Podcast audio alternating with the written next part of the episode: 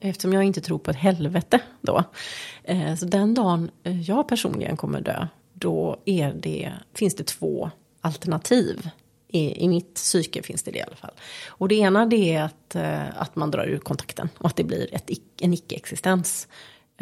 På exakt samma sätt som det var innan jag föddes. Så att jag har ju varit, jag har ju existerat, jag har ju icke-existerat längre än vad jag har existerat. Så, så att det är inget nytt för mig att inte existera. Eh, så, så tänker jag att det kan bli när man dör, att jag återgår till en icke-existens då. Och det gjorde ju inte så ont. Eh, däremot så gör det ju ont hos dem man lämnar eh, efter sig, förhoppningsvis, säger jag så här. Men, ja, det hoppas vi verkligen. Det hoppas vi verkligen. och det andra alternativet är att, att medvetandet faktiskt tar sig någonstans eller existerar i någon form av liksom, universum eller icke-universum eller vad man kallar det.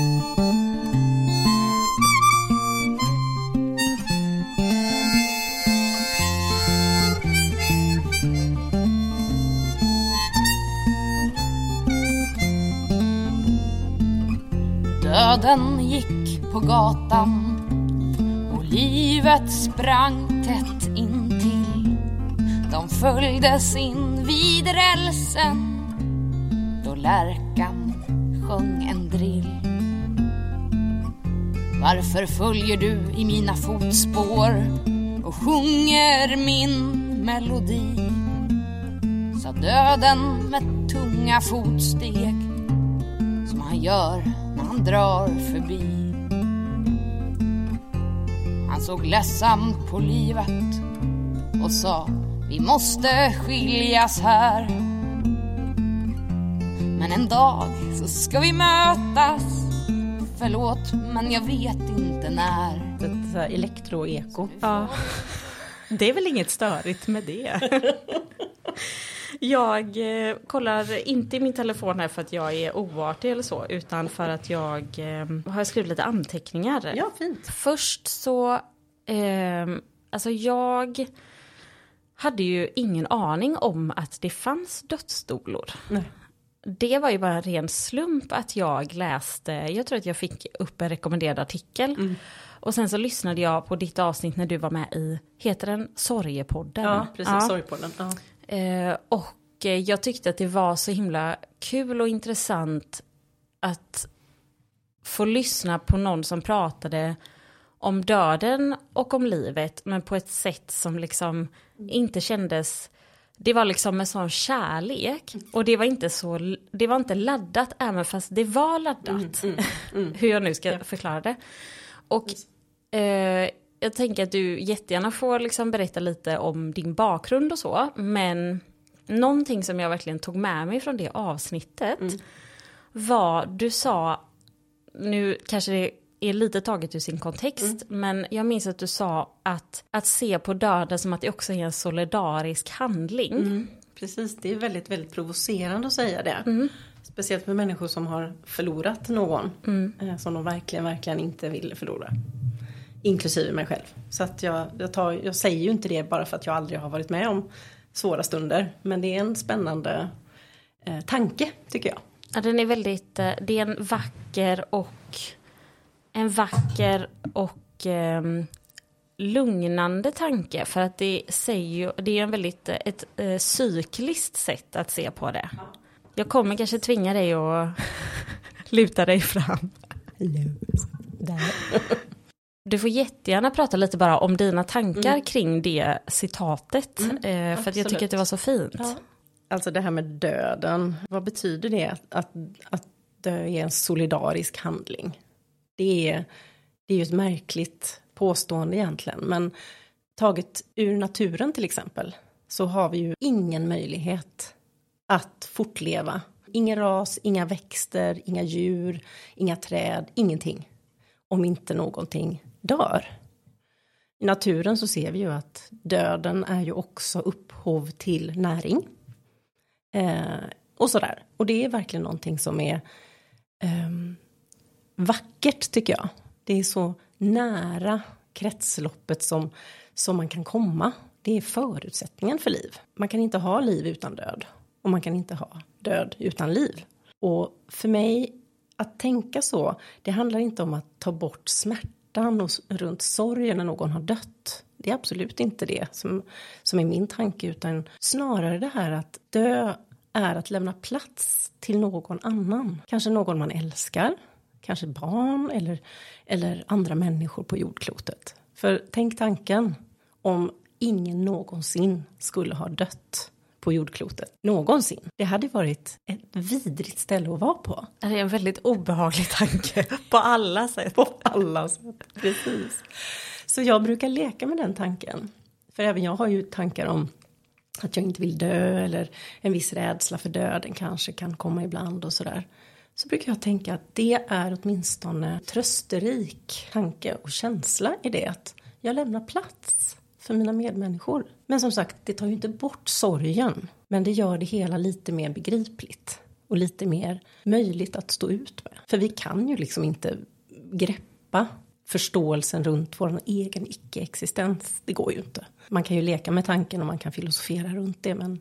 För det är verkligen det här att det tar ju inte bort någonting men ibland känns det, ibland tycker jag att allting handlar bara om att typ försöka lägga ytterligare ett lager på saker eller försöka ta bort. Men just i och med att det är så himla obegripligt man kan inte man kan inte förstå, även om man ens försöker, vad döden är. Eller liksom man kan försöka, jag tänker typ särskilt för dig i ditt arbete, mm. att det hela tiden han, handlar om att försöka liksom se döden ur olika perspektiv. Mm. Men just det här att för mig så var det en lugnande tanke och en tanke som jag aldrig någonsin har tänkt innan. Mm. Att det skulle kunna vara en solidarisk handling. För att mm. när man tänker på att man själv ska dö, så går ju alla känslor på något vis, det är väldigt svårt att rikta blicken utåt, förutom kanske då till sin närmaste familj såklart. Mm. Men att det är också någonting väldigt, eh, att tänka på sin egen död är ju oftast fylld, för mig i alla fall, av ganska egoistiska tankar som mm. är typ, men jag vill ju upp, hinna uppleva det här, eller jag hoppas att den dagen när jag dör, oavsett om jag kommer vara liksom äldre eller yngre, att jag känner att jag har fått liksom leva och har fått mått bra och alla sådana saker. Så att det har varit en, den tanken har liksom aldrig slagit mig. Mm. Men det gjorde också på något vis mm. att, ja, att det inte, att det inte var, kändes lika egocentriskt i Just brist det. på något annat ord kanske. Mm, jag förstår. Ja.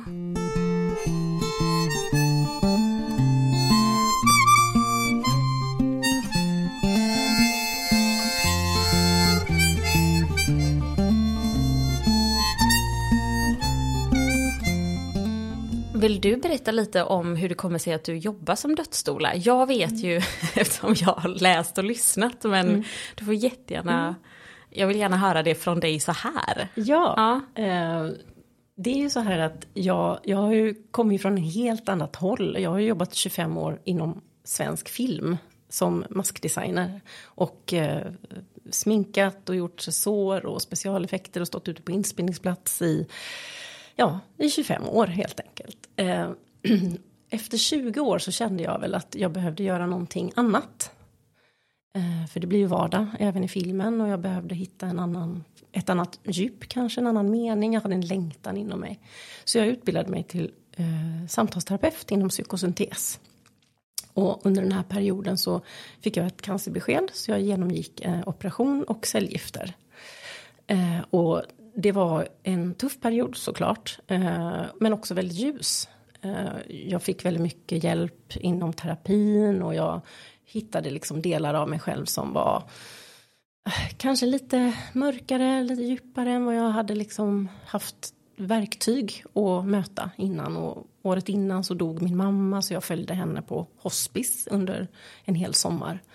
Eh, med allt vad det innebär att se sin förälder eh, tyna bort då. Och allt detta blev liksom uppstarten till att så här, var, varför pratar vi inte mer om döden?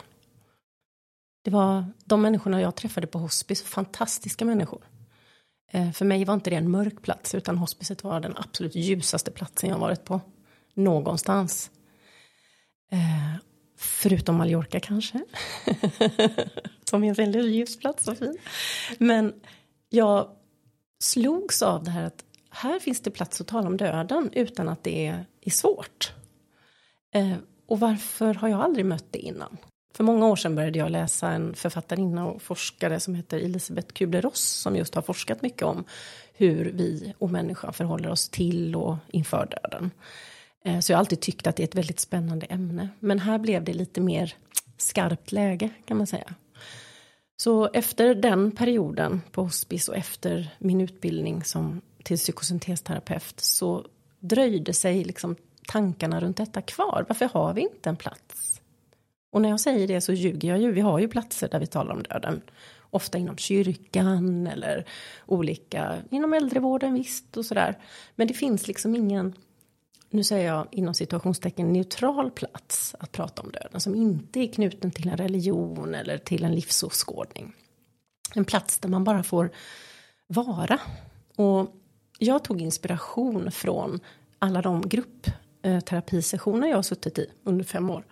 Som jag tycker är ett fantastiskt sätt att samtala. För det är icke-dömande, man får visa sig så mycket eller så lite som man vill. Och det är präglat av väldigt mycket respekt. Och ingen säger till någon annan vad den får och inte får tänka och sådär. Utan väldigt, väldigt kärleksfullt och empatiskt. Och så började jag tänka, kan man, kan man liksom skapa en, en samtalsmiljö eh, om döden. Så att man får åtminstone kanske inte bli vän med döden, för det tror jag kanske inte man kan. Eh, en del kan det, men, men åtminstone så att den blir lite mer bekant. Eh, och där började jag fundera på vad behöver jag veta mer om döden? Jag måste ju utbilda mig så att jag kan hålla de här gruppsamtalen. Men i början så höll jag faktiskt de här gruppsamtalen utan att veta så mycket mer än det som jag själv hade läst. Vilket blev jättefina samtal, för jag är ju terapeut och jag kan ju det här med gruppterapi och sådär, så det var inget konstigt. Eh, men däremot så blev jag mer och mer nyfiken. Och jag gick på något som heter Death Café, organisation som är global. Och Death Café hölls i Göteborg av en kvinna som har ett, eh, eh, en vad heter det, begravningsbyrå. Och hon berättade att hon var dödsstola, hon hade utbildat sig i England. Och jag blev ju jättenyfiken. Vad är det här? Vadå? Vadå dödsstolar? Vad betyder det? Och så berättade hon. Och det var som att alla mina celler bara väcktes. Det var som att hela jag bara lös upp inifrån och sa det här vill jag göra. Det här låter ju grymt spännande. Eh, så jag var mer eller mindre på väg till England för att gå den här utbildningen. Då hejdade jag mig för hon sa att jag kanske kommer få ta den här utbildningen till Sverige. Kan du ha is i magen ett år? Och då tänkte jag, ja, det är bra med ett sabbatsår. Jag kan ju inte bara fortsätta plugga, och plugga, och plugga och jobba 100 procent. Det är lite slitigt. Så jag tog ett sabbatsår och efter det året så fick jag meddelande om att hon skulle starta upp den här utbildningen, dödsstolen i Skandinavien. Varpå jag sökte, kom in och gick utbildningen och fick lära mig massvis om döden som jag inte visste.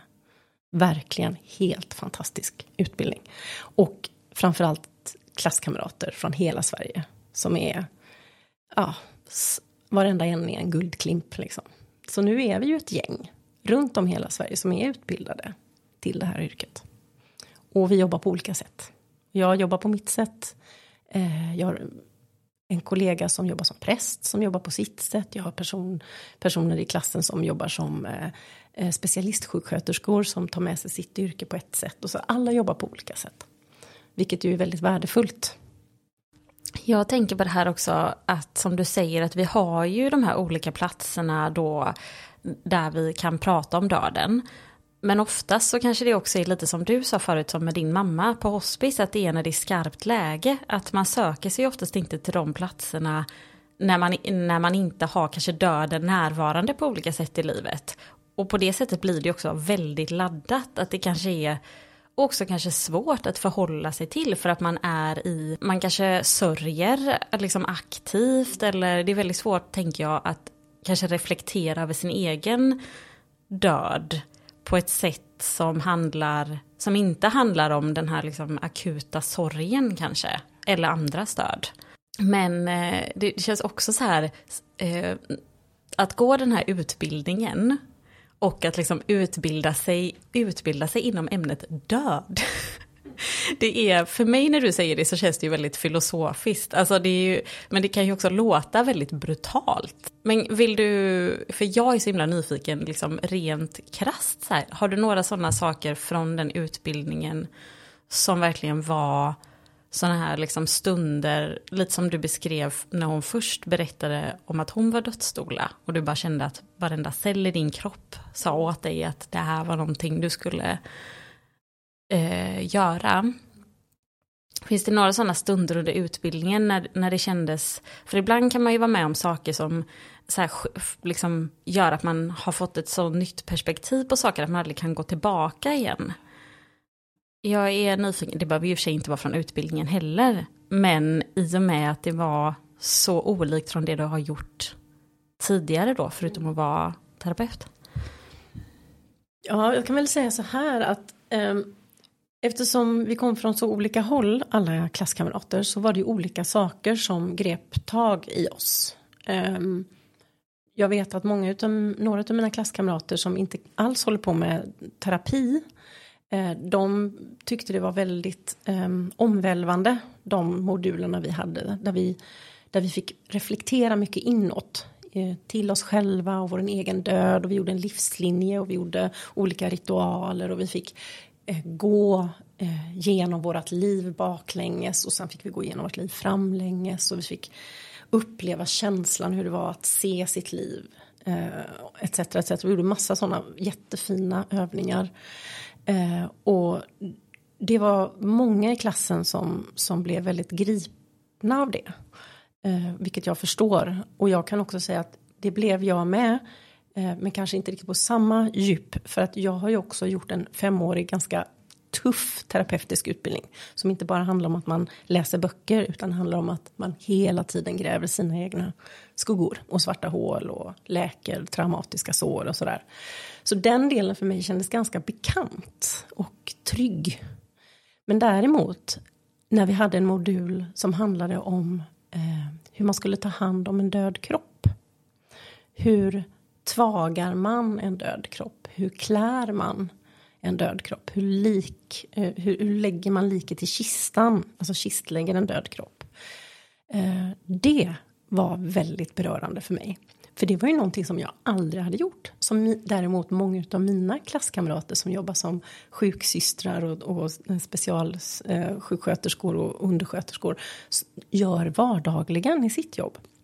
Så där blev jag helt överväldigad och tyckte att det var otroligt vackert att kunna erbjuda till exempel de närstående att nu tar vi den här vackra skålen med vatten och lite essensolja i och så tvagar vi den döda kroppen, vi kammar ordning håret lite och vi tänder ljus och kanske sätter på musik och vi fick liksom lära oss olika sätt att ta hand om den nyss levda eh, kroppen eh, tillsammans med eh, närstående då. Och detta var som, nästan som ett slags rollspel som vi gjorde. Och vi hade ju då, ska jag förklara, inte några döda kroppar utan vi gjorde detta på våra klasskamrater som låg och var väldigt, väldigt avslappnade. Eh, all, alla de eh, delarna av utbildningen var extremt värdefulla för mig.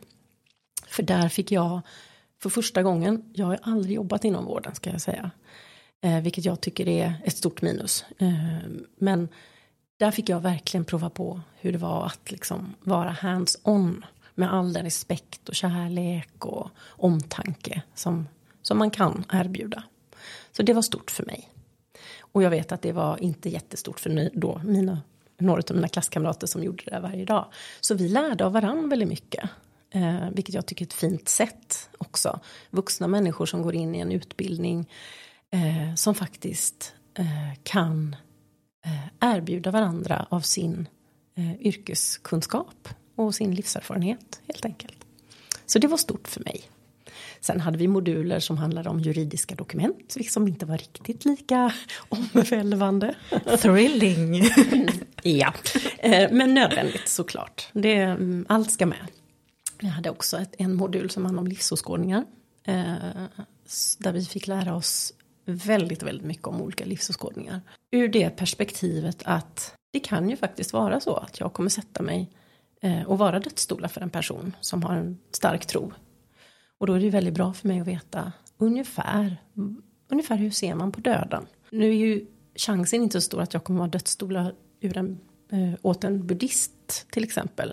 Men det ju, skiljer sig ju hur man äh, förhåller sig till kroppen hos någon som är kanske buddhistiskt troende, eh, rent troende eller någon annan. Man tar inte den kroppen till exempel. Eh, vilket vi kanske inom kristen, vi som är kristna eller lever i en västerländsk, det är klart att man håller handen, tänker ju vi då. Mm. Så att massa sådana där små detaljer är bra att veta. Så man kan komma in och närma sig eh, personen med respekt och kunskap och, och inte trampa totalt i klaveret. Sen kan man ju alltid fråga och ha en, en dialog. Så, I den mån den här personen eh, är kontaktbar. Men Eh, utbildningen i sig eh, består av så många olika moduler. Så den är ju väldigt bred på det sättet. Eh, om det är ett svar kanske på frågan. Ja, gud. Men jag tycker också att det är så himla intressant det du säger med, alltså när man utbildar sig, ehm, när vuxna människor, man, när man går en utbildning tillsammans och de flesta ändå har liksom haft ett arbetsliv ett antal år innan. Eh, hur mycket man också kan lära av varandra. Men också någonting som är väldigt fint att man är öppen för att lära sig någonting nytt. För där är också tycker jag att eh, det är så himla lätt att tänka att har man kommit över en viss ålder eller man har faktiskt en tidigare utbildning att man inte kan omvärdera eller att man inte kan göra någonting nytt. Det gjorde ju du då efter alla de åren i filmbranschen. Mm.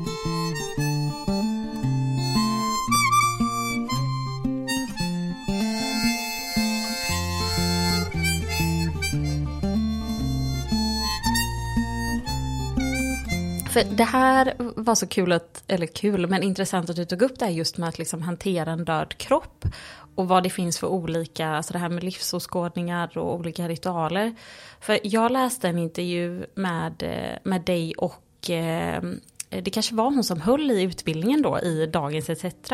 Och då Eh, så, pra, så var det liksom en liten del där eh, det stod lite om så här vilka ritualer man har. Och då var det bland annat i Madagaskar någon tradition som jag, alltså jag rös när jag läste det. För att det var någonting, jag tänker att om, om du vill bara så sammanfatta lite hur den traditionen såg ut. För det var någonting för mig Egentligen, allt det här handlar bara om mig nu. nej. nej men det var, ja, det är så intressant att tänka, jag menar man är ju medveten om att på olika platser i världen och inom olika kulturer så har man olika traditioner. Mm. Men där var det verkligen någonting som var så himla fint med att inte om du vill så får du jättegärna eh, sammanfatta eller prata lite om det så kan jag säga lite vad jag tänkte när jag läste det. Eh, ja, nu kan jag ju inte hela bakgrundshistorien eh, hur, hur, man, hur man förhåller sig på Madagaskar. Men den här dokumentären som jag fick se för många år sedan tog mig lite med överraskning. Det här är många år sedan jag såg den här dokumentären. Men där har man en väldigt kärleksfull Eh, tradition och ritual. Att man gräver upp sina döda och sveper om deras kropp Eh, med nya fräscha lakan eller tygstycken och sådär. Och när man gör det så har man också en fest. Man dansar och sjunger och man har picknick runt graven och sådär. Och, och det, det, det, i våra ögon så kan ju det verka lite makabert liksom. Vi som, jag tror till och med att det är straffbart här med gravskändning som vi ju kallar det då. Ehm, och än mindre att man ska festa när man gör det. Men där gör de det och just den här eh, dokumentären så var det en sekvens där den här lilla lilla eh, barnbarnet eh, stod och, står och tittar på en hög med ben. För att det här är då en gammal farmor eller mormor eller någonting som har dött och förmultnat så pass mycket så att det är, det är i princip bara benrester kvar. Och hon står och är jätteglad och så tittar hon och säger men mamma, vem är det? Är det mormor eller farmor? Och, så, och det, var, det var så, det var så eh, traumafritt om man säger så. Det var vackert, det var respektfullt och det var eh, Åh, äntligen får vi träffa mormor igen och, och det är bara ben kvar och här får en ny fräsch eh, klädnad och så festar vi och så sjunger vi lite och, och, och så ner i jorden igen och så är det bra. Och jag kan tycka att det är en sån det är en sån otroligt fin kärlekshandling för det handlar verkligen om att eh, hållas de man älskar i åminne så till den milda grad att man faktiskt träffar dem. Jag minns inte hur ofta de gör det här, om det är varje år eller var femte år eller vad det nu är. Det, det får man googla på. Men det är någonting med det här att hur vi förhåller oss till döden. Och det som du nämnde innan, det här att det är väldigt många människor i vårt samhälle som inte förhåller sig till döden förrän döden står precis framför dem. Och det är väl det som jag har som mitt stora uppdrag. Det här att kan vi inte prata om döden? Kan vi inte förbereda oss lite? Så att vi inte står där eh, fullständigt oförberedda när det väl händer. Det är ju inte en människa som springer ut och springer ett maraton bara, bara på spontan vilja utan att förbereda sig. Det är ju ingen som ger sig ut och seglar utan att ha lärt sig att segla. Förstår du vad jag menar? Men med döden, då ska vi absolut inte göra någonting förrän den dagen den kommer och då är det fullständigt förvirrande för samtliga involverande. Med allt vad det är, liksom, dels att det är eh, sorg, det är eh, brist på kontroll, alltså man upplever så fruktansvärt många olika känslor ofta när, när döden finns i ens närhet. Och jag tänker, tänk om man åtminstone har kunnat eh, förpreppa sig lite. Liksom. Kanske vara med tanken om vad händer om jag får en diagnos? Hur känns det i kroppen när jag tänker den tanken? Vad skulle jag vilja säga? Hur skulle jag vilja säga? Hur skulle jag vilja ta hand om mig själv? Hur skulle jag... Vad händer när jag tänker att den och den i min närhet ska, ska, ska dö? Åtminstone, det handlar ju inte om att eh, eh, frossa i katastroftankar utan mer så här, hmm, de här tankarna behöver jag och de här känslorna behöver jag vara lite du med innan de faktiskt kommer på riktigt. För kommer på riktigt, det kan vi vara hundra procent säkra på att de gör. Åtminstone 2023, sen vet jag inte vad som händer eh, i framtiden. Vad som händer med, det finns ju många som påstår att vi kommer leva för evigt och vi byter ut våra delar och sådär. Men då kommer jag inte vara här. Eh, jag är en av de som ställer mig i kön, i den andra kön. jag tycker det finns Uh, och nu byter jag lite spår här för att när, som du nämnde tidigare att prata om döden det, det, man kan ha så många olika synvinklar. Mm. Man kan ha synvinkeln att, att uh, det fysiska. Man kan ha aspekten sorg. Vad händer inom mig? Vad händer? Man kan ha aspekten relationer. Vad händer med relationer när döden finns? En del upplever ju att det blir en ökad Ehm, eh, nivå av eh, konflikt till exempel. För att det är så mycket rädslor som blir påslagna etc. etc. Men sen ska man ju prata om den andliga aspekten. Vad händer efter döden? Eh, om man vill. Jag pratar inte jättemycket om den. Jag har min egen tro. Men dyker det upp i en samtalsgrupp så pratar vi om det. Så, så, och vi vet ju ingenting. Där har vi ju liksom ingen, eh, inga säkra svar.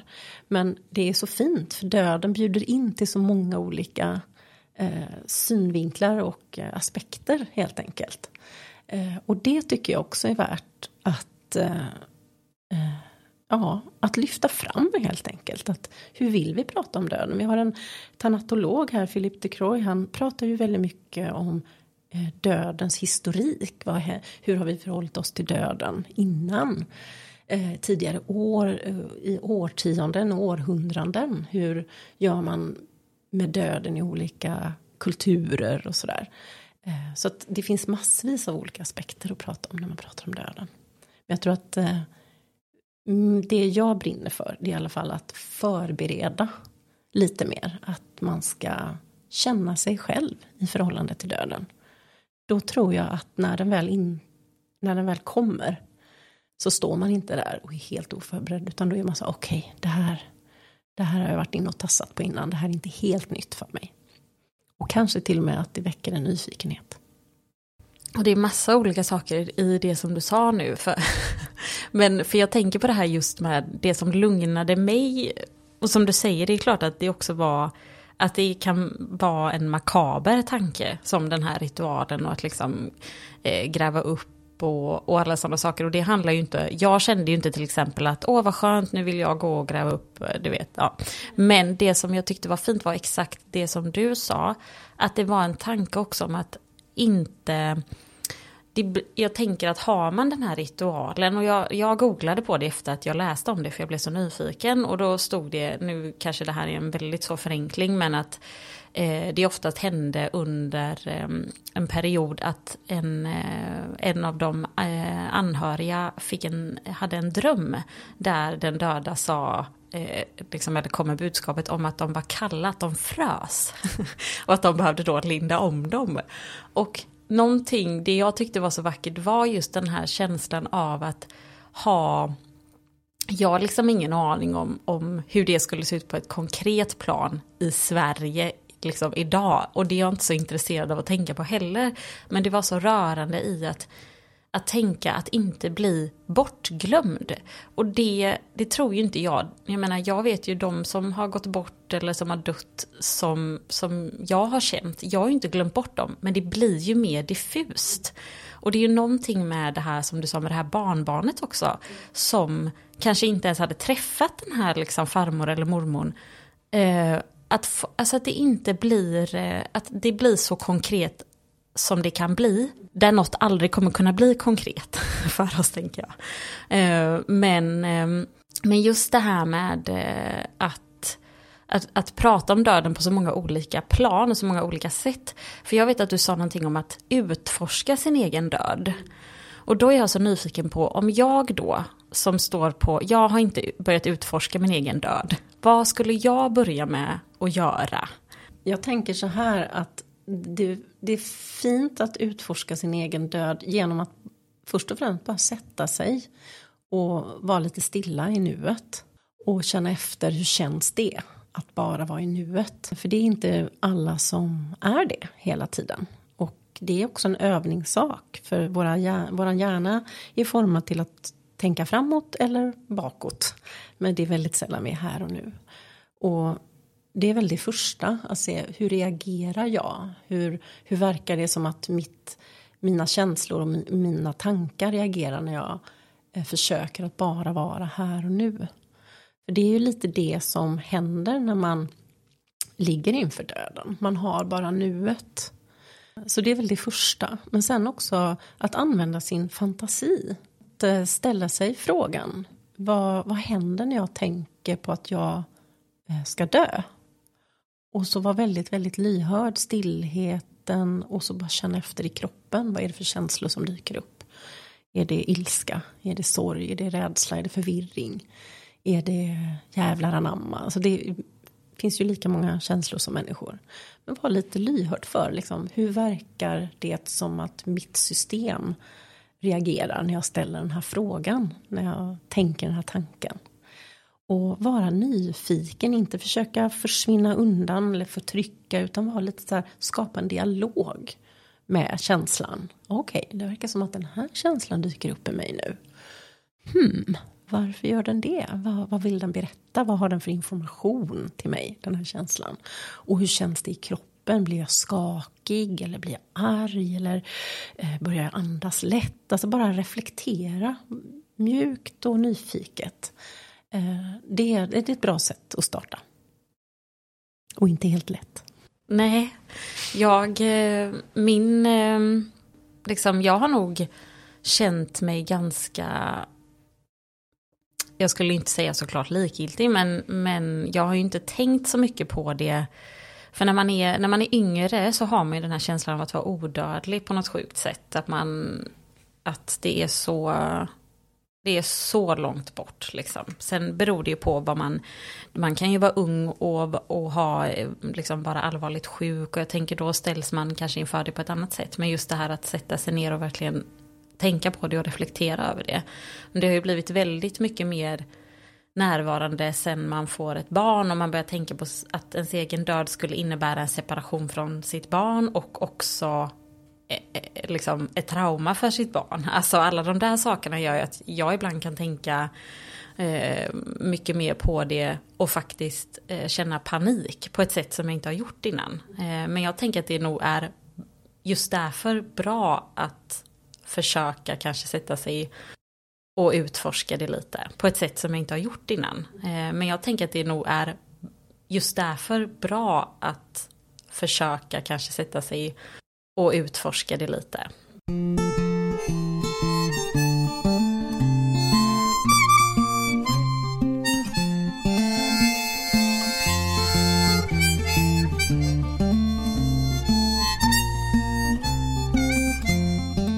när du började sen, när du var färdig med din utbildning och du liksom rent konkret skulle börja jobba med folk. Hur kändes det? Var det läskigt?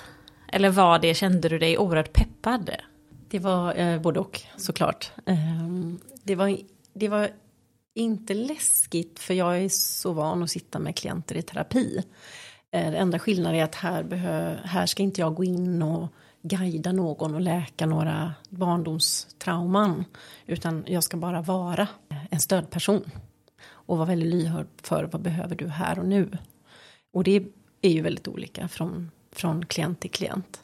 Det som var den stora skillnaden det är att man istället för att vara på mottagningen så är jag hemma i människors hem. Och man kommer ju väldigt, väldigt nära. Och det kanske finns syrgastuber och det kommer ett, eh, ett eh, vårdteam och, och byter och, och fixar och donar och ger Alltså man, man ingår liksom i den här personens absolut, absolut mest intima vardag. Eh, och det var väl ovant till en början tyckte jag. Eh, här sitter vi just nu på min mottagning i centrala Göteborg och det är ju härligt och fint och levande ljus och lite mysiga mattor och sådär. Eh, och så det är en stor skillnad att var, befinna sig liksom hemma hos någon i någons eh, absolut närmare. Man ser liksom, det ligger post och det kanske ligger blöjor eller eh, det, det, finns behållare för kanyler och det är så mycket som man kliver in i. Eh, och det är ju också en vanlig sak helt enkelt, men också en påminnelse om att här får jag kliva respektfullt. Det här är inte min plats. Jag, jag är med här en stund och, och hjälper till och är ett stöd på det sättet som den här personen önskar eller de närstående önskar. Så det, det skulle jag nog säga att det var det största. Men att, att, möta människan och vara med människan och inte ducka för de svåra frågorna eller de, de känsliga samtalen. Det är för mig eh, det är, den, det är den lätta delen om man säger så. Eh, det är att bara vara medmänniska och lyhörd och inte komma med en egen agenda. Utan vara väldigt mycket här och nu. Eh, och inte förutsätta en massa saker som man tror. Utan verkligen vara med den här personen så som den önskar. Tänk vad intressant för att eh, det som du sa förut under utbildningen, att eh, ni, hade, ni kom från så olika bakgrunder, där kan man ju tänka då att för de som hade jobbat inom vården tidigare så var det kanske inte var så främmande och det var de mest bekväma med, med att istället var det här den andra aspekten att de liksom skulle vara närvarande i ett samtal med någon och liksom alla sådana saker. Eh, att, att man kan komma med så olika för där, det, det, är ju så fint att det heter dödsdola, för exakt alla de där sakerna pratar, ju, pratar man ju om när man pratar om att liksom vara dola till någon som ska föda också. Det här att inte ha sin egen agenda, att inte förutsätta saker, att inte komma kanske med råd om inte någon ber om det. Och det här Alltså för, för, i mitt huvud så är ju allting bara liksom en cirkel. Och det kan ju, alltså, det kan ju låta självklart liksom, för att det är ju på något vis liksom livets cirkel. Men att det blir så himla tydligt och fint när man tänker på det just eh, i liksom aspekten att vara dola. Att vara dola till någon som föder och någon som ska dö. Att det på många sätt, att så här, det är typ samma sak, fast ändå inte. Absolut, mm. det, jag håller verkligen med. Det är det. Är det eh, i grunden, grund och botten. Eh, förutom att i det ena fallet så välkomnar vi något in i livet och i det andra så eh, är vi ett stöd när någon ska lämna eh, det fysiska livet. Eh, och oftast, men inte alltid tyvärr, men oftast så är ju en födelse är ju en, eh, en glädjens stund om det inte går eh, käpprätt. Eh, det finns ju, kan ju finnas mycket sorg i det också men grundförutsättningen är ju ofta liksom förväntan. Medan vi som dödsstolar jobbar med inte jättemycket glädje och förväntan. Även om det faktiskt också förekommer. Eh, det är fantastiskt att se. Eh, det är också väldigt vackert att vara med någon som känner att den är nöjd. Vet du, jag är nöjd nu. Nu det blev inte riktigt som jag hade tänkt men ja, ja, nu kliver jag av, nu är jag nöjd. Och det är sådär, wow, okej, okay, då, vad, vad ska vi prata om nu? Och då blir det ju väldigt mycket att man pratar om så här, berätta om ditt liv om du vill. Eller vad, vad, vad tyckte du var roligast eller bäst? Vad uppskattade du? Så man pratar väldigt mycket om livet. Um, vilket är, eh, kanske man inte tror. Men att, att vara dödsstola handlar ju väldigt, väldigt mycket om att göra Eh, den devisen som jag lever efter, att vi lever varje dag fram tills att vi dör. Eh, så vi pratar ju inte bara om döden. Eh, utan det är ju snarare det här att hur kan jag, hur kan jag leva här och nu när jag faktiskt fortfarande andas. Jag kanske är begränsad, jag kanske har lite ont eller mycket ont och jag behöver hjälp eller inte hjälp. Men hur kan vi göra det bästa av situationen och fortsätta leva här och nu? Och det tycker jag är en av de eh, stora och vackra delarna av att vara dödsstola. Eh, som gör också att eh, eh, det som vi började att prata om det här att det finns inte liv utan död och det finns inte heller död utan liv och det märker man ju i vardagen också. Att eh, i allra högsta grad går de här hand i hand. Och vi kan, många snör in och blir väldigt ledsna och deprimerade till och med och har en stor sorg och behöver liksom bearbeta den. Då tar vi hand om det. Men i lika stor utsträckning så är det tvärtom. Då är det en enorm livskraft som finns i rummet. Och eh, det som jag kan uppskatta absolut mest det här liksom I have no time for bullshit. Liksom, det blir så autentiskt och det blir så på riktigt. För att eh, vi vet att vi har en begränsad tid kvar. Orkar inte ha en massa filter, orkar inte babbla om saker jag inte är intresserad av. Det blir på riktigt. Men jag tänker när du, när du började att, att arbeta som dödsstola efter utbildningen. Har det funnits tillfällen då du har kunnat känna, trots liksom din, din bakgrund som både samtalsterapeut och utbildningen, har det funnits stunder då du har liksom känt dig triggad av saker hos någon som, eh, som har anlitat dig? Och vad Eh, och det här kanske är en jätteprivat fråga så det får du liksom välja själv om du vill svara på eller inte. Eller om du vill att vi klipper bort det. Men är det någonting som du har känt så här att oj det här visste jag inte att jag behövde jobba med. Alltså som du har blivit ställd inför. Eh, un, liksom efter din utbildning. Jättebra fråga. Tack för att du ställer frågan. Jag kan inte bli eh, jättedetaljerad eftersom jag har tystnadsplikt sådär. Men det uppstår ju alltid triggers, mer eller mindre. Eftersom Eh, jag är människa och jag består av spegelneuroner och har mina saker. Eh, däremot upplever jag att jag på grund av min terapiutbildning vet exakt varför jag blir triggad. För så pass mycket jobb har jag gjort. Eh, och man blir ju aldrig färdig.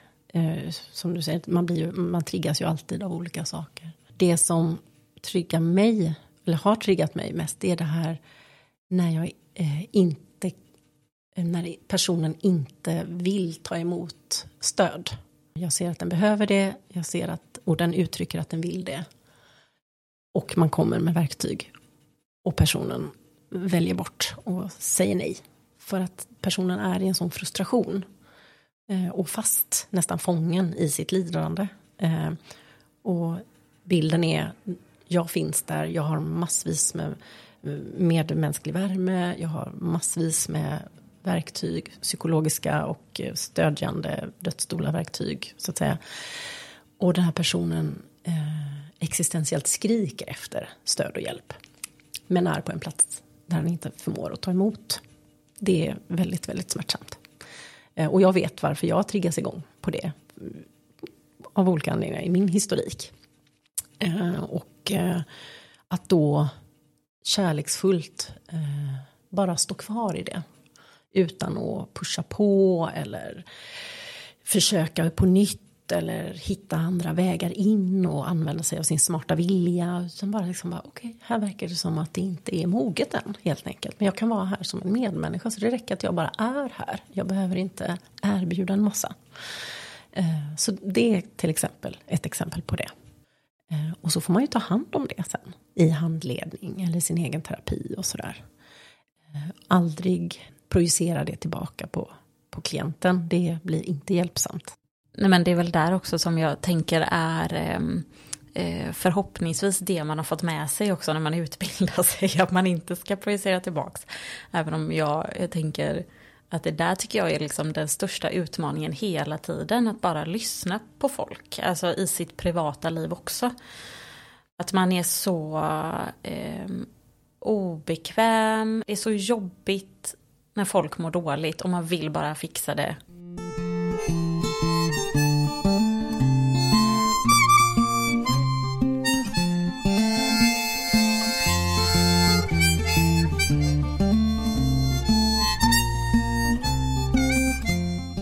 Där du är idag i ditt yrke så är jag så himla nyfiken på Eh, jag förstår ju som du säger typ att man lär sig saker hela tiden och att man möter saker i sig själv hela tiden och i andra människor.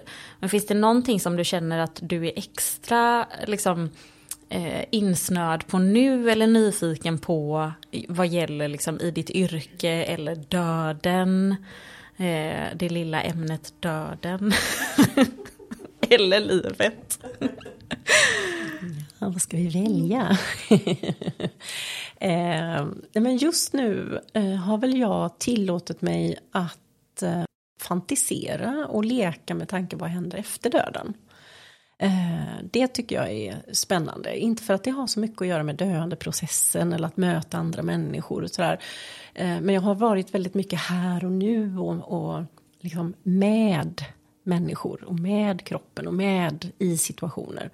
Så att de sista sommaren så har jag liksom varit med så här, nu har inte jag haft någon klient på hela sommaren för jag behövde liksom göra annat och jag kunde inte vara, vara på jour och sådär utan jag behövde ha lite ledigt och då har jag liksom tillåtit mig själv att tänka lite vad är medvetandet, vad händer, vad händer med vårt medvetande den dagen kroppen dör och sådär.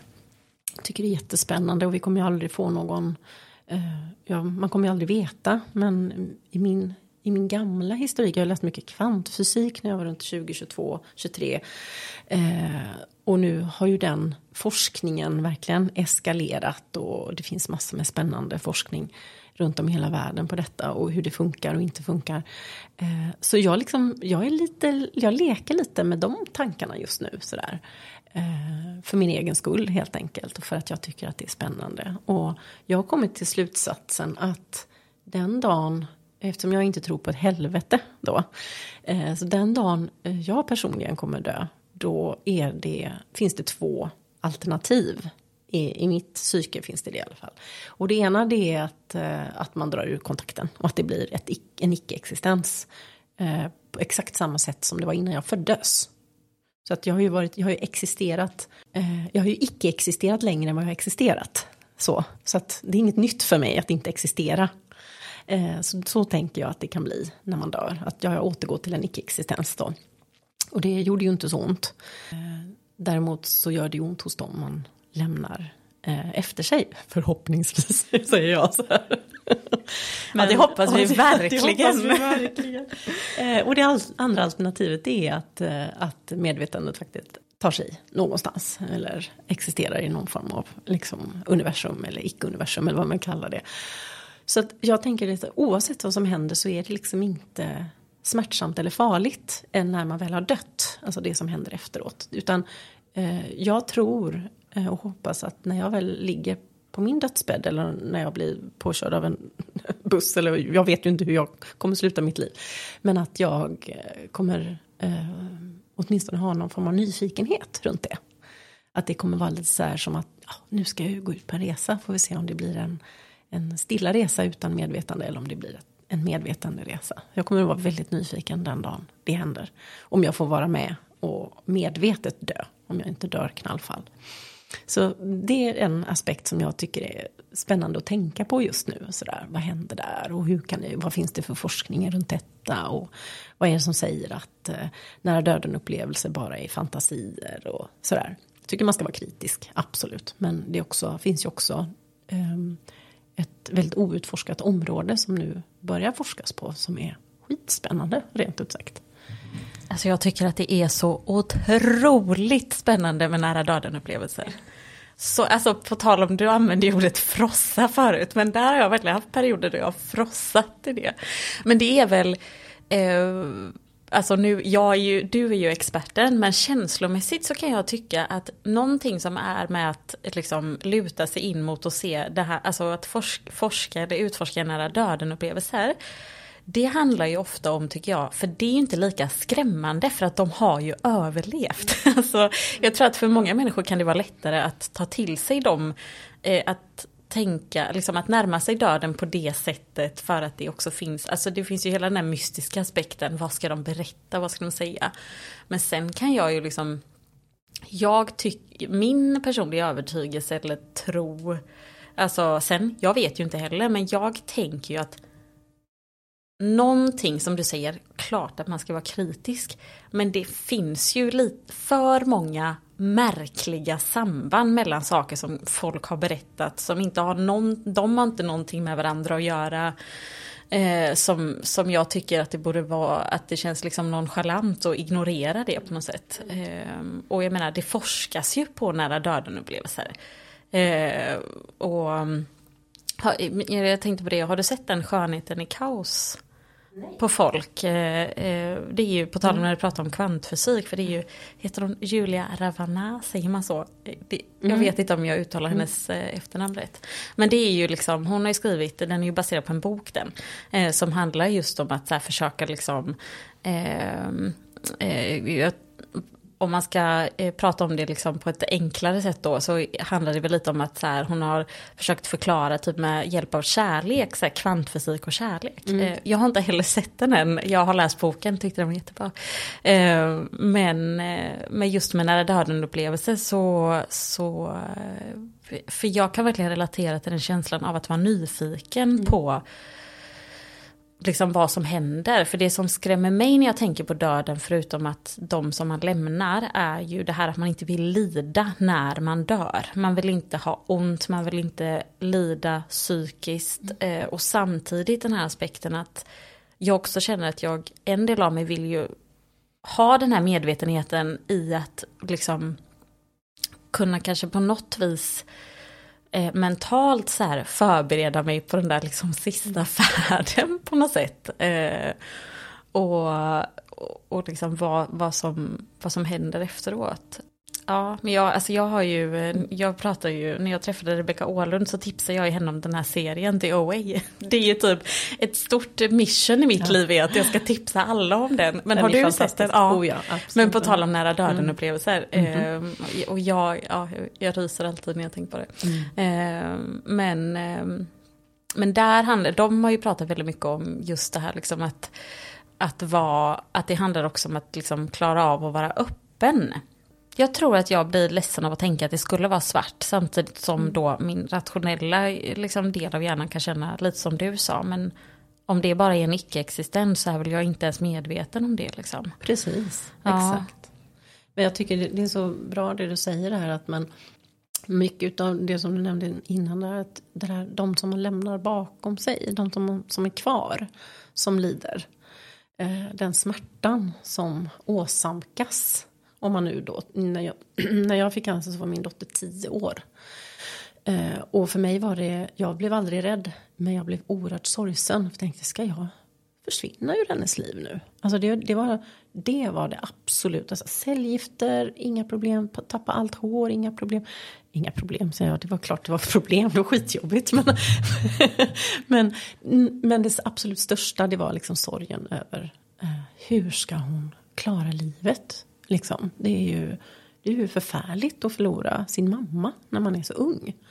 Eh, så det kan jag verkligen relatera till. Eh, det är ju den sortens lidande eh, och känslomässig smärta, den, den har man ingen kontroll över. Den, det, är, det är bara en stor vällande sorg runt det. Och samtidigt så, så har jag vänner som har förlorat sina föräldrar vid väldigt ung ålder. Och det, det finns en sorg i det. Och det finns också ett ett levt liv hos den här numera vuxna människan. Eh, det är, eh, det är inte så att eh, livet stannar och allt blir förstört. Men det blir en, det blir en enorm upp, alltså omvälvande upplevelse för barnet. Såklart. Det är vidrigt. Liksom. Det, är, det, är, det är otänkbart och det är djupt sorgligt. Och vad jag också ville säga med det, det med med lidande när man ligger inför döden. Eh, jag vill inte ha ont, jag vill inte lida psykiskt. Det, där tror jag att vi inom, i Sverige inom palliativ vård ligger ganska långt fram. Att vi kan erbjuda eh, smärtstillande och ångestdämpande i lagom doseringar så att man inte faktiskt i vårt land idag behöver ha det speciellt ont eller smärt, smärtsamt. Vi har en väldigt fin palliativ och det finns ju även liksom i andra länder också. Eh, men däremot så tror jag att man måste ställa sig frågan är lidande det värsta som kan hända? Och jag är inte så säker på det. För att det lidandet jag har upplevt eh, och tagit mig igenom så har jag, jag kan med facit i hand idag eh, tio fingrar upp i himlen säga jag hade inte velat vara utan det. För det som det har åsamkat mig gott i efterhand eh, det är, det är så värdefullt. Det är så värdefull livserfarenhet. Nu säger jag det ut ur mitt perspektiv. Mm. Jag har till exempel aldrig förlorat ett barn. Jag tror inte att det jag säger är applicerbart på till exempel det. Jag har aldrig eh, varit Eh, i situationer där, där eh, jag har sett någon bli mördad framför mina ögon eller, eller liksom våldtagen framför mina ögon. Eller så. Det finns ju vidriga händelser. Eh, men utifrån mitt perspektiv i alla fall så ställer jag mig frågan så här, att lida är kanske inte det värsta. Smärta är oundvikligt. Men lidandet kanske är ett val. Men då tänker jag, om man ska dö, för jag förstår, jag är med på din, eh, på din poäng. Ja. men då tänker jag, att jag är rädd för att liksom vara i ett sånt lidande, lite kanske det som du pratade om förut med någon som är att man är fast i det.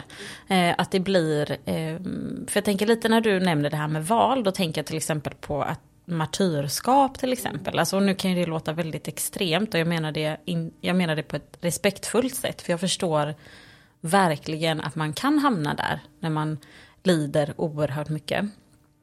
Men jag tror att min rädsla av att lida eller ha smärta när man vet på något vis att döden är väldigt nära. Det är liksom, jag har, det finns inte lång tid kvar, är väl också om det skulle stå i vägen för att kanske ha tid tillsammans med dem som man bryr sig om. Och sen också, om jag ska vara krass så tänker jag, men vad fan, ska jag behöva li... ska jag, liksom, det här kommer ju, nu vet ju inte jag såklart i vilken form livet fortsätter, men då tänker jag ju så här, ja men men om jag ändå ska dö nu, då kommer inte det vara någon erfarenhet jag ändå kan ha med, med mig. Det blir, så att, men, så där är nog när jag tänker på att liksom, förutom att nej, det är väl ingen som vill liksom, ha smärtor. Men för mig så handlar det nog om att jag tänker på att det skulle stå i vägen för den kanske tiden, eller att inte klara av att vara riktigt närvarande då med sin familj och så. Um, mm. Och det, det som du säger nu, det är ju en del av den här processen att dö. Och att utforska just de tankarna och känslorna. Tänk om man skulle hamna i den här situationen att man har så mycket smärta eller man inte när, kan vara närvarande med dem som eh, betyder någonting för en under den sista perioden. För mig personligen, så det enda jag kan använda i den kunskapen det är att vara väldigt, väldigt närvarande här och nu idag. När jag lever. Och det, det är det vi, som jag upplever som händer igen och igen när man jobbar som dödsstolar eller jobbar med döden. Det är att man alltid återvänder till livet på något vis. Det, det är jätteviktigt att ställa sig de frågorna som du ställer dig just nu. För att hur kan jag använda kunskapen om det här och nu och idag? Hur kan jag vara mer medveten, mer närvarande? Inte stressa lika mycket eller vad det är nu man behöver liksom justera i sitt liv för att vara här. För att det enda vi har är ju nu. Det är så krasst är det. Och vi får ett nytt nu och så fick vi ett nytt nu igen och sådär. Eh, men det som har varit, det har varit och det som kommer har vi ingen koll på. Så vi kan bara vara här och nu. Och det är ju inte helt lätt att säga till en eh, arbetande småbarnsförälder. Liksom. Var här och nu. Men det är någonting som, det finns en kvalitet i den erfarenheten.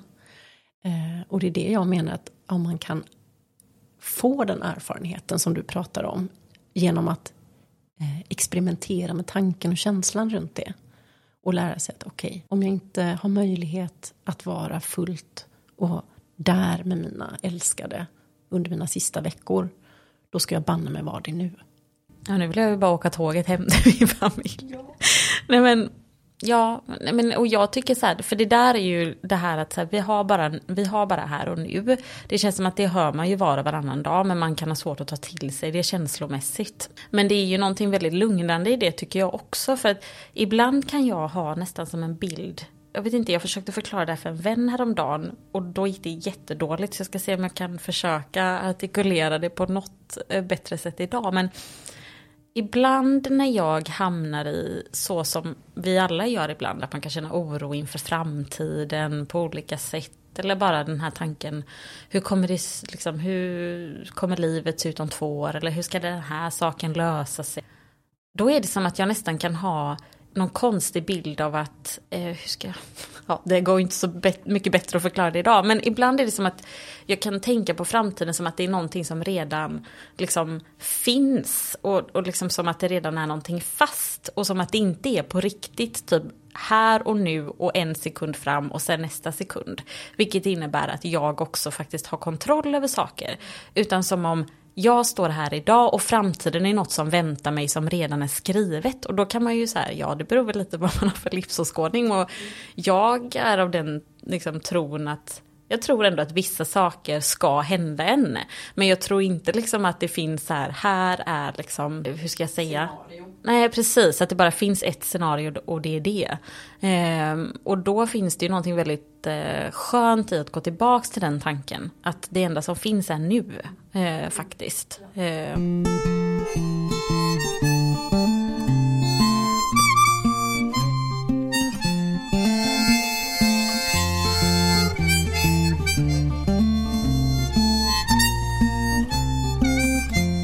Har du jobbat, hur ser liksom arbetet ut om man tänker att man har jobb, om man jobbar med en person som anlitar dig som kanske är eh, en person som vet att jag har liksom en, det finns en utmätt tid eller jag ska dö själv eh, snart.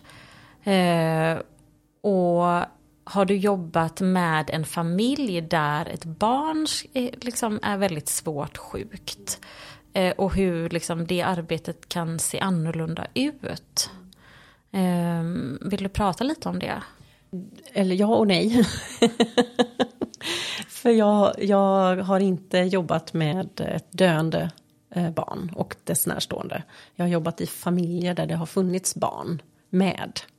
Eh, och med det sagt så, så är det ju, man ska säga att varje familj eller varje person eller grupp personer som man kommer till, eh, de är unika så man kan liksom inte säga att ja, men så här funkar det när man jobbar med på det här sättet, utan så.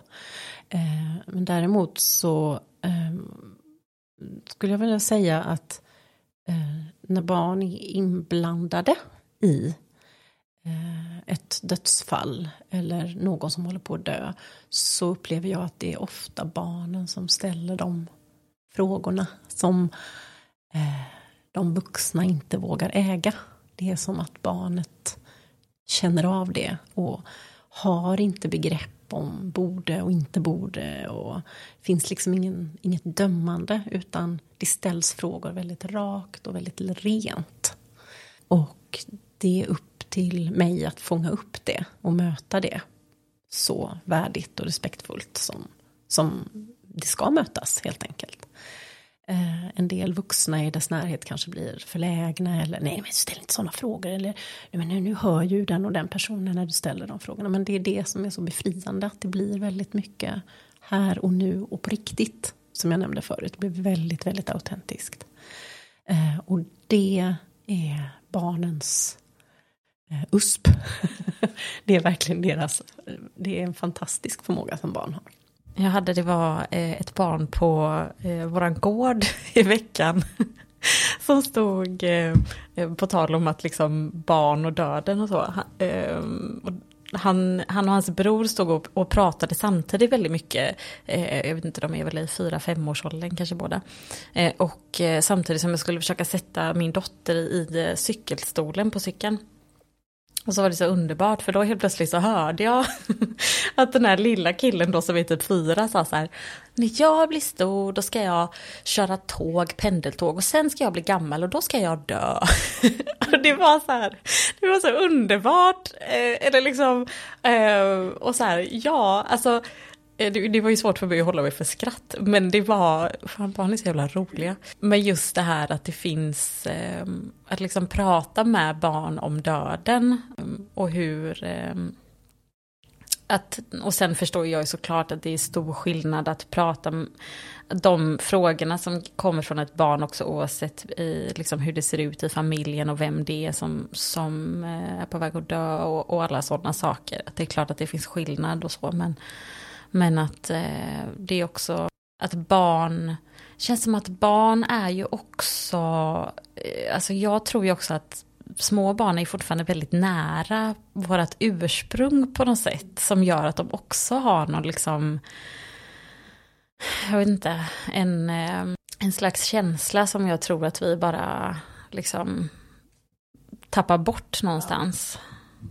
Det, det tror jag också, absolut. Och eh, barn har ju också eh, inte så mycket levd erfarenhet eh, och kanske inte så mycket eh, mognad och erfarenhet runt vad separation och förlust innebär.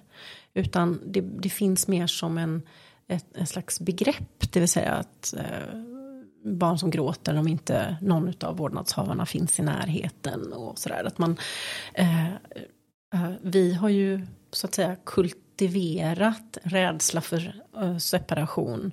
För vi vet vad det betyder att ha värdefulla och kärleksfulla relationer. Eh, och ett barn är förhoppningsvis i värdefulla relationer men har inte upplevt eh, separation i samma utsträckning som vi. Så kan därför kanske ställa de här frågorna med större lätthet för att de är inte förknippade med ett så starkt känslomässigt mörker som när vi vuxna ställer de här frågorna helt enkelt. Vilket är, tycker jag, barnets eh, absoluta fördel.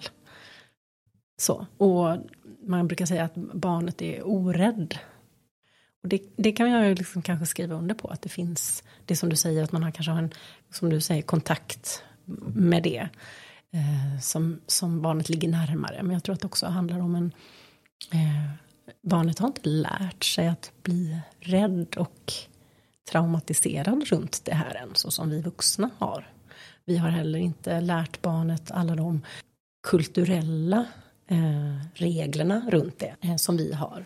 Mamma pratar inte om döden eller barn fick inte ens gå med på, på begravningar Eh, för bara liksom 20-30 år sedan. Eh, det var inget plats för ett barn och sådär. Att man skulle hålla barnet utanför. Alltså det är så mycket som vi i vårt samhälle lägger på det här med döden och förlust och sådär. Som inte riktigt barnet har lärt sig än i sin eh, så kallade renhet eller naivitet eller nybörjarhet. Det, det, det är det som jag tror kallas ignorance is bliss. Nej men såklart, det är ju säkert den där att man som barn har, vi, vi har inte lärt barnen än. När du, när du fick ditt cancerbesked och var sjuk, hur, mm. just de här, alla de här rädslorna och tankarna inför, som du hade när du tänkte på din dotter. Kommer du ihåg liksom hur det var när du skulle berätta för henne eller när ni skulle prata om det? Ja, absolut. Jag minns ju att eh, vi berättade eh, väldigt sakligt. Eh, och och eh, var väldigt tydliga med vad som skulle hända rent praktiskt framöver. Och hon var ju tio år och gjorde sina egna slutsatser att mormor dog i cancer ett år tidigare och ska du också dö nu? Var frågan självklart. Eh, och då, på det svarade jag eh, förmodligen inte. Och det var det enda jag kunde svara för att chansen eller risken fanns ju. Eh, men statistiken talade ju till min fördel. Jag tror inte man vinner på att vagga in barn i för mycket eh, falsk trygghet. För hon hade haft eh, två hamstrar som hade dött hamstrar är världens bästa djur för barn. För de dör efter ett och ett halvt, två år. Och då får man ha en begravning och man får sörja lite light och sådär. Så hon hade haft två hamstrar som hade dött och hon hade haft en älskad mormor som hade dött. Så hon förstod ju vad det innebar. Eh, så jag kunde ju inte säga nej det är ingen fara, jag kommer inte dö. För, för faktum är att jag kommer dö. Fast jag vet inte om jag dör nu på grund av cancern eller om jag dör eh, när jag är eh, 102 av, liksom, av ålder. Men dö ska jag, men just på grund av det här så jag sa det till henne att nej, förmodligen inte. Eh, och så här ser det ut och det här är, så här är det, så här kommer det fungera och eh, eh förmodligen så kommer det gå bra allting. Eh, men som sagt, som med sjukdom så vet man aldrig riktigt. Och jag tror att det att bara det att jag var så pass ärlig med henne. Men också att jag själv satt trygg och visade eh, framtidsplanen. Så här kommer det se ut, det här kommer hända och nästa månad kommer det ske. Då kommer du hälsa på på sjukhuset några gånger, sen kommer jag komma hem. Jag var väldigt liksom praktisk och tydlig. Så blev det som att hon kände att okej, okay, men eh, mamma verkar inte frika ut. Så varför ska jag frika ut? Eh, så jag tänkte att jag ägde någon slags grundtillit och stabilitet. Eh, men jag försökte inte att försköna det och säga nej, nej, nej, mamma kommer aldrig dö, jag kommer alltid finnas. Men det stämmer ju inte, det är, det är lögn och det fattar ju barn själv liksom. Ja men för det är ju någonting med det förhållningssättet som också gör, dels så, så tar det ju liksom eller ta bort, men att det liksom kan dämpa den här, eh, för jag, eh, nu blir det att jag refererar till, till andra avsnitt, men Jenny som jag, som min vän som var med i första avsnittet, vi pratade just om det här att liksom hur mycket barn förstår, eh, att liksom försöka förebygga att inte barn ska behöva gå runt med en massa fantasiluckor som blir liksom nästan värre än verkligheten till slut. Eh, och det är också någonting, tänker jag faktiskt i, att som vuxen också få liksom att det inte blir en lika stor börda heller, för man har inte lovat något som inte går att lova. Alltså om man ska vara krass. Nej, för jag tyckte det var, när jag lyssnade på när du var med i, i den sorgepodden, så sa du, du nämnde någonting om att, eh, och nu kanske jag citerar fel, men att eh, när du gick igenom dina cellgiftsbehandlingar och när du tappade håret, att det också fanns någonting i att upptäcka att man inte bara var sitt utseende. Och eh, det, jag tänkte jättemycket på det när du sa det, för att eh, som kvinna så är ju det, eh, tänker jag kanske ibland, liksom, det är ju någonting som vi eh, har så starkt i oss, att eh, en så stor del av vad man är, är liksom ens utseende. Och att eh, vad som händer med en när, det, när, när, man faktiskt inte, när man inser att ehm, dels kanske ett sånt som attribut som också vi eh, liksom tillskriver är det här kvinnliga, typ att ha ett långt eller ett hår överhuvudtaget liksom på huvudet, inte någon annanstans på kroppen, men på huvudet, herregud. Eh, men eh, liksom vad som hände med en. Och det var jag, jag blev så, jag tänkte väldigt mycket på det när du, när du berättade om det, för och det här är inte samma sak, men eh, under, för några år sedan när jag hade en period då jag mådde väldigt, väldigt dåligt så tränade jag väldigt mycket och eh, det är ju bra att träna och, och röra på sig. Eh, men idag kan jag ju se tillbaks vilken oerhörd att det var, det blev som något kontrollbeteende för mig att allting handlade om mitt utseende för det var också det jag kunde kontrollera och det är ju, det kan ju väldigt många skriva under på liksom på olika sätt hur man kan hamna i det där.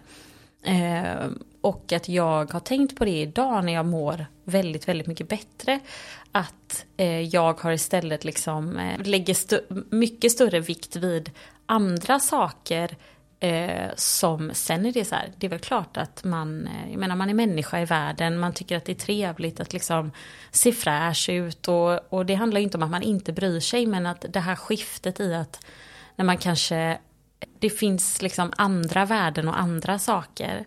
Och det här tror jag du sa också, att till, eller antingen du pratade om det, men det var så jag tolkade det, det här att, att tillåta sig att vara sjuk. Att liksom inte eh, behöva liksom fixa eller att ta ansvar för saker. Att, att vara den som istället tar emot omsorg.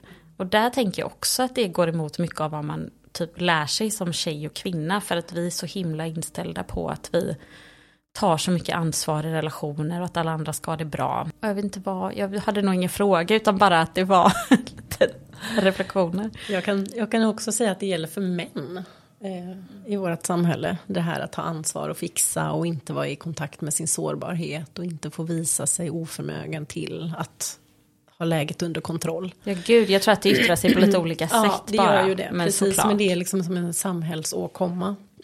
Kan man verkligen säga. Eh, och jag tänker att det som kommer eh, upp eh, i, min, liksom, i mitt medvetande när jag pratar om det här att eh, vad sjukdom kan göra eller eh, död, kanske till och med, men sjukdom eh, i förhållande till vad man har investerat i för det som jag kallar för överlevnadsstrategier. Då. Min överlevnadsstrategi eh, var liksom i viss mån din det här med utseendet. Att jag eh, var, eh, hade tillgång till ett vackert yttre och jag såg till att liksom verkligen eh, maximera det. Och jag, jag la så mycket av min, eh, mitt värde och min säkerhet som människa i det. och sen blev det fullständigt bortryckt. Liksom. Inte bara blev jag enbröstad utan jag fick ett stort ärr och tappade allt hår. Eh, och eh, ögonfransar, för där får man ju ha hår också. Ögonfransar och hår på huvudet, det är ju de två grejerna. Men och i allt detta så blev jag då så översköljd med kärlek och jag blev inte övergiven. Det är ju inte alla som är med om det. Jag har ingått i olika communities med tjej, kvinnor som har faktiskt blivit lämnade av sina partners när de har blivit sjuka. Och det är så oerhört tragiskt att, eh, att eh, känna att okej, okay, jag duger inte för nu är jag eh, amputerad och skallig. Liksom. Så det, de, de historierna finns ju också, de levnadsödena finns ju också. Men eh, jag tror att det är viktigt att se att eh, eh, vad sjukdom eller risk för att, att mötas av att man kanske riskerar att dö. Att det blir liksom så här att okej, okay, men vad är det som är viktigt på riktigt då? Är det mitt långa hår? Vad, vad, betyder det att det faller av? Vad har jag investerat för, för falsk trygghet i det? För mig handlar det väldigt mycket om det som, jag tror det är Brinny Brown som sa det här att det är motsatsen, vad ska vi säga, jag ska komma ihåg så här, motsatsen mot att passa in i en grupp människor är, är inte eh, att inte passa in, utan motsatsen till att passa in det är att eh, känna tillhörighet. Och det kan man ju tycka, det är väl inte varandras motsatser, men vad gör vi inte för att passa in? Det vill säga, vad gör vi? Vi överger oss själva, vi överger eh, vårt lyssnande, vi, vi investerar så mycket i vår självkärlek eh, i utseende till exempel för att passa in eller beter oss på ett speciellt sätt. Vi överger vårt autentiska jag för att få passa in i ett sammanhang, eller en grupp eller en relation eller vad det kan vara. och motsatsen till det, det är att vara precis som man är. Och vara älskad för det. Och det är tillhörighet. Det är att, att vara, tillhöra en, eh, en relation. Och det tycker jag var väldigt fint sagt. Man kan ställa sig frågan, vad gör jag för att passa in? Vad verkar jag ha för överlevnadsstrategier för att få vara med? Vad har jag lärt mig från barndomen till exempel? Det är mycket sådana frågor jag jobbar med som terapeut. Men som också blir väldigt tydliga när man möts av döden. När man förstår att jag kommer kanske inte leva så himla länge till. Då blir de här frågorna extra tydliga. Vad, vad har jag ägnat energi åt? Hur kan jag eh, känna trygghet i mina relationer utan att behöva lämna det som är mitt autentiska jag. Utan få vara mig själv fullt ut. Och jag upplever ju att en del av de eh, klienterna som jag har haft har eh, verkligen landat in i att jag har inte tid för någon mer bullshit liksom. Jag behöver vara här och nu som den jag är. Eh, vilket gör att en del som eh, kanske ligger för döden kan verka väldigt eh, krassa. och väldigt nästan oartiga ibland. Nej, nej, men skit i det. Nej, jag orkar inte prata om det nu. Liksom så här. Eh, de viftar bort saker och så. Och jag tycker att det är så här, oh, gud, det här är bara tecken på att den här personen behöver vara så autentisk som möjligt. Men kan det också, kan folk bli eh, sorgsna över det när de upptäcker också hur stor del av deras liv de inte har, eh, liksom hur stor del som man har ägnat åt att passa in? Oh ja, absolut. Det är en stor sorg det, att se det. Och, och kanske då en, eh, förknippat med en viss panikkänsla när man inser att det är för sent att vända hela skutan. Jag kanske har en månad på mig. Men då kan man åtminstone liksom ta hand om det under den tiden som finns kvar. I så fall, om man vill. Men jag tyckte det var så kul att du nämnde Brené Brown, för jag älskar ju henne. och hon sa ju också någonting på tal om det här med typ eh, att liksom vara här och nu. Så vet jag att hon berättade eh, något om, om just det här när saker och ting går så, när, när vi har en period då saker går väldigt bra i livet. Att så här, väldigt många människor då går bara och väntar på katastrofen. Man tänker jag kan inte få ha det så här bra eller nu kommer något dåligt hända. För hon pratar just om det här att vad är liksom vad, är det för, vad finns det för styrka då? Så här, vad kan vi göra för att liksom hämta, istället för att eh, liksom gå förbi de här bra stunderna och bara vänta på det dåliga och sen när det dåliga har hänt säga ja, jag visste det, nu hände det dåliga. Eh, försöka liksom ja, vad kan vi göra för att se nuet när det är bra? Och då pratar hon just om det här att skillnaden är att liksom försöka klara av att känna tacksamhet. För då säger hon så här, hur många gånger har inte folk stått över sitt barn som ligger och sover i sängen och sett något fruktansvärt hända dem. liksom en stund där de är i säkerhet och ja det är fruktansvärt. Men då berättar hon någonting om att hon den dagen som hon hade blivit inbjuden till att, eh, liksom, att prata Eh, på, det var väl Oprah Winfrey som hade någon turné eller något sådär. Och typ att hon hade vänt sig om till sin man innan hon skulle gå på flyget och sagt ja ah, men jag kommer, flyget kommer krascha nu. Det finns ju ingen chans att det här skulle hända liksom. Eh, det är så kul att hon också kände så. Eh, men eh, Jo, ja precis. Vad, att, eh, liksom, vad är skillnaden mellan att passa in och känna tillhörighet? Ja, ja. Mm. för det där eh, liksom, nu när du sätter ord på det så är det så självklart att det är det som, som jag har känt. Men det är därför jag kan tycka att det är väldigt eh, att, vara, att bli älskad av dem som till exempel med mina systrar. De, det finns ju typ ingenting de inte vet om mig. Och när de älskar mig, då känner jag mig verkligen älskad för att jag vet att de älskar mig med allt. De, liksom, för den jag är, om man nu ska dra en klyscha. Men det är, jag kan tycka att det är väldigt svårt ibland att eh, ta, liksom, ta komplimanger annars överlag. Eh, från folk som inte känner mig. Och det ju, kan ju vara tråkigt för att jag tänker att en komplimang kan ju också bara vara så här, va, gud vad kul det var att ses idag eller vad glad jag blev när du sa så här. Det behöver ju inte vara såklart handla om att folk måste känna en på ett jättedjupt plan.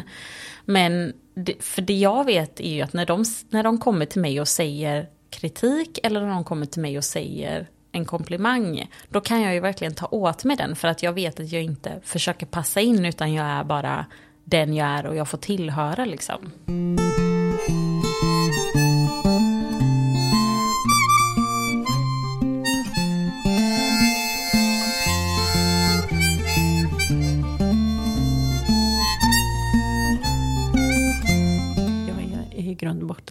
Introvert människa kan man ju inte tro så mycket som jag pratar. Men... Nej men det är samma här. jag kommer ju vara helt slut hela eftermiddagen ja. efter. Ja du ska ju ha en klient efter så att... det ska nog gå bra. Men tack så jättemycket mm. Jessica. Tack så hemskt mycket och jätteglad att du kom hit. Du vet att vi har pratat i en timme och 45 minuter. Ja, och det kändes som 25 minuter. det är helt otroligt. Tack. Tack själv. och du gör ett jätteviktigt arbete med din porträtt. Ja, men jag verkligen. tycker att det är så himla kul. Det är så fint är ju typ att allas avsnitt blir verkligen deras avsnitt. Mm. Alltså för att man kan komma med, nu hade jag ju lite grejer som jag kände det här vill jag fråga och så. Mm, mm. Men att man ändå har liksom eh, Gud, man blir alltid lite svettig när man tar av sig dem. Ja. Eh, eh, att man har, eh, hur ska jag säga? Det, man, man, kan liksom inte planera. Man kan bara, man har någonting att utgå ifrån och sen ja, så blir det så liksom det, det, ja. det, blir. Ja, precis. Eh. Men det är det som gör att jag också älskar att lyssna på poddar. Just att så här, man vet inte riktigt vad man kliver in i. Nej. Det är ju, och likadant med sommarpratarna nu mm. och sådär. Det är så här, men gud, det här hade jag in, det här hade jag inte kunnat liksom lista ut att vi var på väg åt det här hållet. Men det är så roligt för jag har ju inte, alltså jag har ju typ lyssnat på kanske mm.